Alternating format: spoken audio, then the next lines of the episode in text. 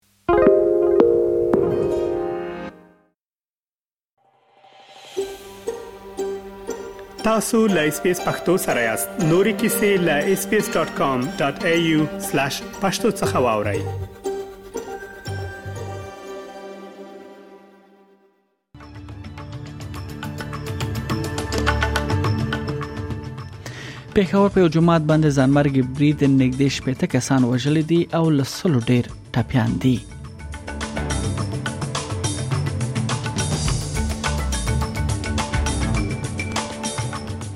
بل خبر هم له پاکستان څخه دا دی چې د پاکستان په شمال لویدیځ کې د کښتۍ په پیښه کې لږ تر لږه لس ماشومان وژل شوي دي او په همدې ورځ په جنوب کې د بس ټکر لامل بیا سلويخ نور کسان هم وژل شوي دي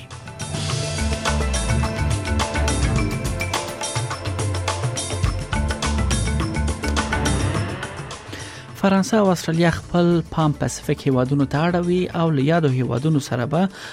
پر اقلیم او هم دفاع مسایلو نږدې څخه کار وکړي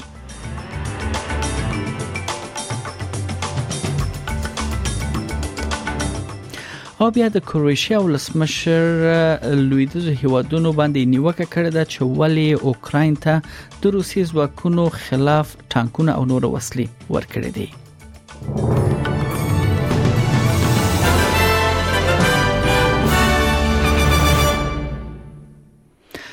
هم بشپړ خبرونه په پیښور کې د پولیسو مرکز اړوند یو جماعت کې د 14 لکبله د وژل شو کسانو شمیر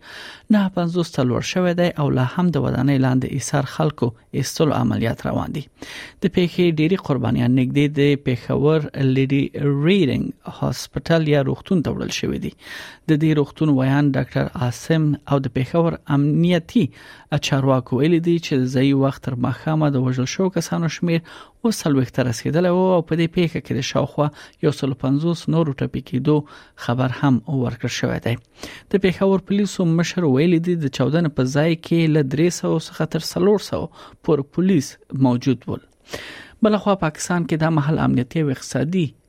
وضع ښه نه ده او دا هیواد له سختو ننګونو سره مخ دی لبرید وروسته د پاکستان لمړي وزیر شهباز شریف پیښور کې د غنې ګونې په یو جماعت کې د یو ځانمرګي برید پیښه لټپیانو سره وکتل پولیس ادعا کوي چې بریدګر دا سخکاري چې د ریډ زون ودانۍ ته د ننوتلو لپاره لوسو امنیتي پوسټو څخه تیر شوی وو او همدې سیمه کې د پولیسو او د تروریزم ضد دفترونه هم موقعیت لري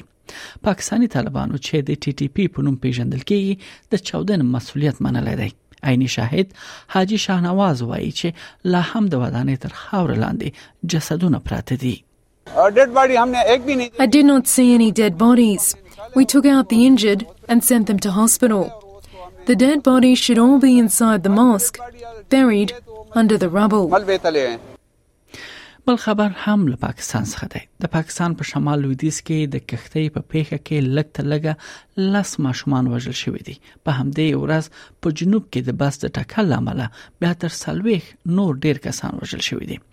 شاخو اته ځکهونکي لا درک دي په داسې حال کې چې و ټپي ځوانان روغتون ته وړل شوې دي چارواکي وایي دوی د دینی مدرسو زده کوونکي ول چې په یو کښته کې سپاره و چې د خیبر پښتونخوا ایالت په تانده جهیل کې یې کښته ډوبه شو د وژل شو زده کوونکو عمرونه د وو او 12 کلونو ترمنځ وو فرانسه او استرالیا خپل پام پاسفیک هیوادونو ته اړوي او له یادو هیوادونو سره د دفاع او اقلیم بدلون په څیر مسلو باندې بل نږدې کار وکړي دا په داسې حال کې ده چې د دواړو هیوادونو د دفاع او بهرنیو چارو وزیرانو په پاریس کې د سیمایز امنیت په اړه خبرې وکړي د دفاع وزیر ریچارډ مالز د بهرنیو چارو وزیر پینی وانګ د فرانسې د بهرنیو چارو وزیر کاترین کلونا او د وسلوالو ځواکونو وزیر سباستین لیکورنو په دې غونډه کې ګډون کړی و خغلی مالس وایي استرالیا به د سیمه ییزو امنیتي همکاریو د پیاوړتیا او د پاپونیوګینی فیجی او ټونګ په سیر هیوادونو سره د دفاعي اړیکو د پیاوړتیا لپاره لنګ دی کار وکړي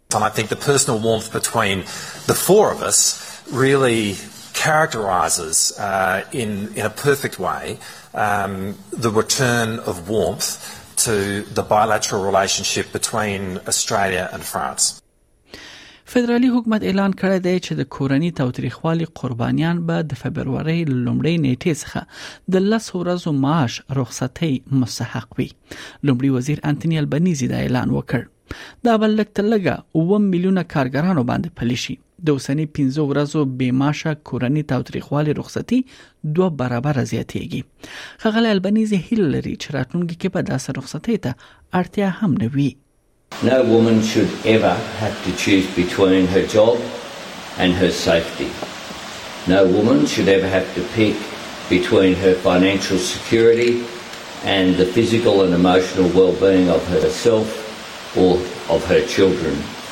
It is truly remarkable that until now these have been very real choices, choices that a shocking number of Australian women have had to face. بل خو د اسلامي همکاریو سازمان د طالبانو حکومت لخوا د خصوصي پانتونونو د کانکور آزموینه کې د انجونو د ګډون د مخنیوي پریکړه په اړه باندې اندېښنه څرګنده کړې ده او ویلي دي چې د انجونو او خزو پر زکړو او کار د حاکمو چارواکو لخوا لګول شوی پراخ محدودیتونه نور هم حالت سختوي د اسلامي همکاریو سازمان همدا راز ویلي دی چې یاد فرمان تر هغه وروسته صادر شوی دی چې دغه سازمان جنوري پر 11مه د افغانستان د وروسیو پرمختګونو او بشري وضعیت په اړه ځانګړې غونډه وکړه د سازمان غړو په خپل تیر غونډه کې له طالب چارواکو څخه وغوښتي و چې د جنونو لپاره د خوانځي او پانتونونو د بیا پرانسلو په برخه کې هڅه وکړي او هغوی ته دا زمينه برابر کړي چې پر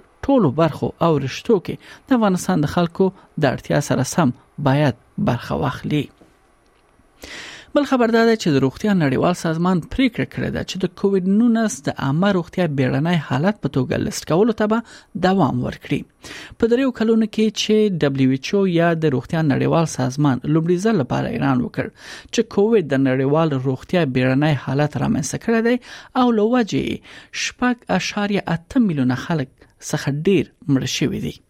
کووډ 19 هیوادونو کې ټولنې او روغتيایي سیستمونه هم ګډوډ کړي دي د دبليو ایچ او عمومي رئیس ټیډروس وایي چې هیله لري چې ساکال اضطراري حالت پای ته ورسوي په ځانګړي توګه کچېره د نړۍ په کچه د کووډ 19 سره مبارزه اقداماتو ته لاسرسي خشي او نړۍ بیوزلو هیوادونو سره د کووډ 19 مقابله لپاره مرسته وشي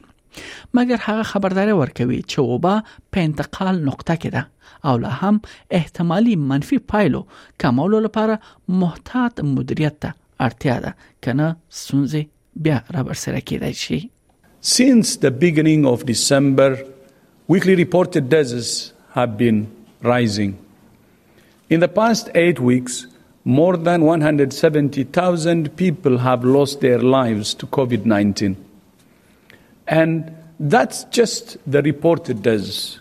We know the actual number is much higher. بونزا په نوم د استرالیا تر ټولو ارزانه هوایي شرکت به نن د لومړي ځل لپاره الوتنه وکړي یاد هوایي شرکت د ټیټ لګښت الوتنه ژمنه کړې ده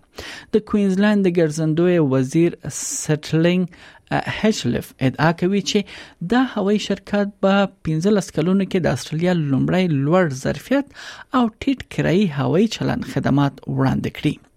افتتاحي الوتنه به د سنشاین او ویټسن دی ساحلونو کې د کوینزلند رخصتۍ ځایونو سره ده وصل کړي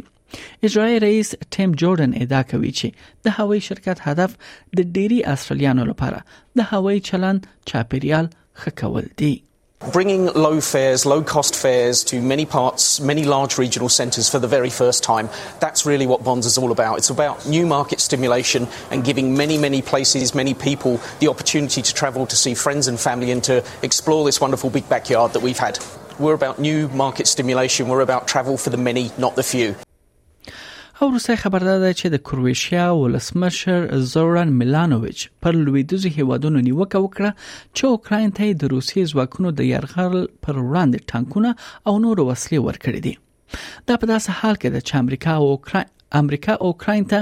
یو دیش ټنه ابراز جنگي ټانکونه د استولو موافقه وکړه او جرمني هم اعلان وکړ چې اوکراین ته به سوالس لیپارډو دوه ټانکونه واستوي او نورو هیوادونو ته به هم د ورته کار اجازه ورکړي خغلی ميلانوویچ چې د ناتو غړی هم دی د جګړې هدف تر پښتنه لاندې راوستي دی او ادعا وکړه چې د وسلو لیک به یوازې جګړه وګړه کړی Može li se takvu državu pobijediti Can you win against that country in the conventional way? What is the answer? Is that possible? How can you win? By tearing it apart so that in desperation it fires 6,000 nuclear warheads it has and then everyone goes home to cry? Is that a solution? All the time I am looking for a rational plan. A rational plan for me is not as long as it takes.